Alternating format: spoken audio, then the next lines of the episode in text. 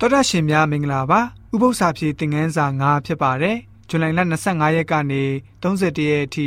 လေ့လာသွားမယ့်ဥပု္ပ္ပစာဖြေသင်ခန်းစာခေါင်းစဉ်ကြီးကတော့တတ်သိခံနေစဉ်ဝိညာဉ်တော်တကူကြားရောက်သည်ဖြစ်ပါတယ်ဖတ်မဲ့ကျင့်ချက်တွေကတော့ရှင်ဟန်ခရစ်မင်ခန်းကြီး15ငွေ26ငွေ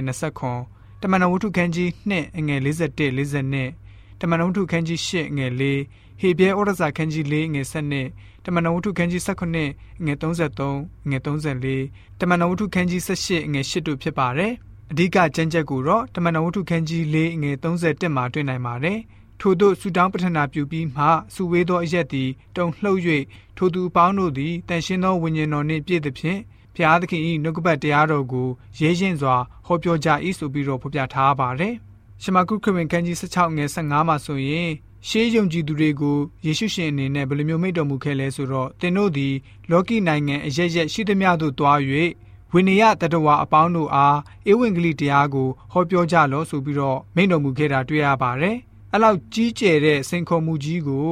ဘယ်လိုမျိုးအောင်မြင်အောင်ဆောင်ရွက်နိုင်ပါလဲ။သူတို့ရဲ့အရေးအတွက်ဟာအလွန်မှပင်နဲလွန်းပါတယ်။သူတို့မှာရှိတဲ့ အင်အားကလည်းပဲအကန့်အသတ်နဲ့ပဲဖြစ်ပါတယ်။သူတို့ကိုယ်၌ကလည်းပဲတာမန်ယုံကြည်တဲ့သူတွေသာရှိပြီးတော့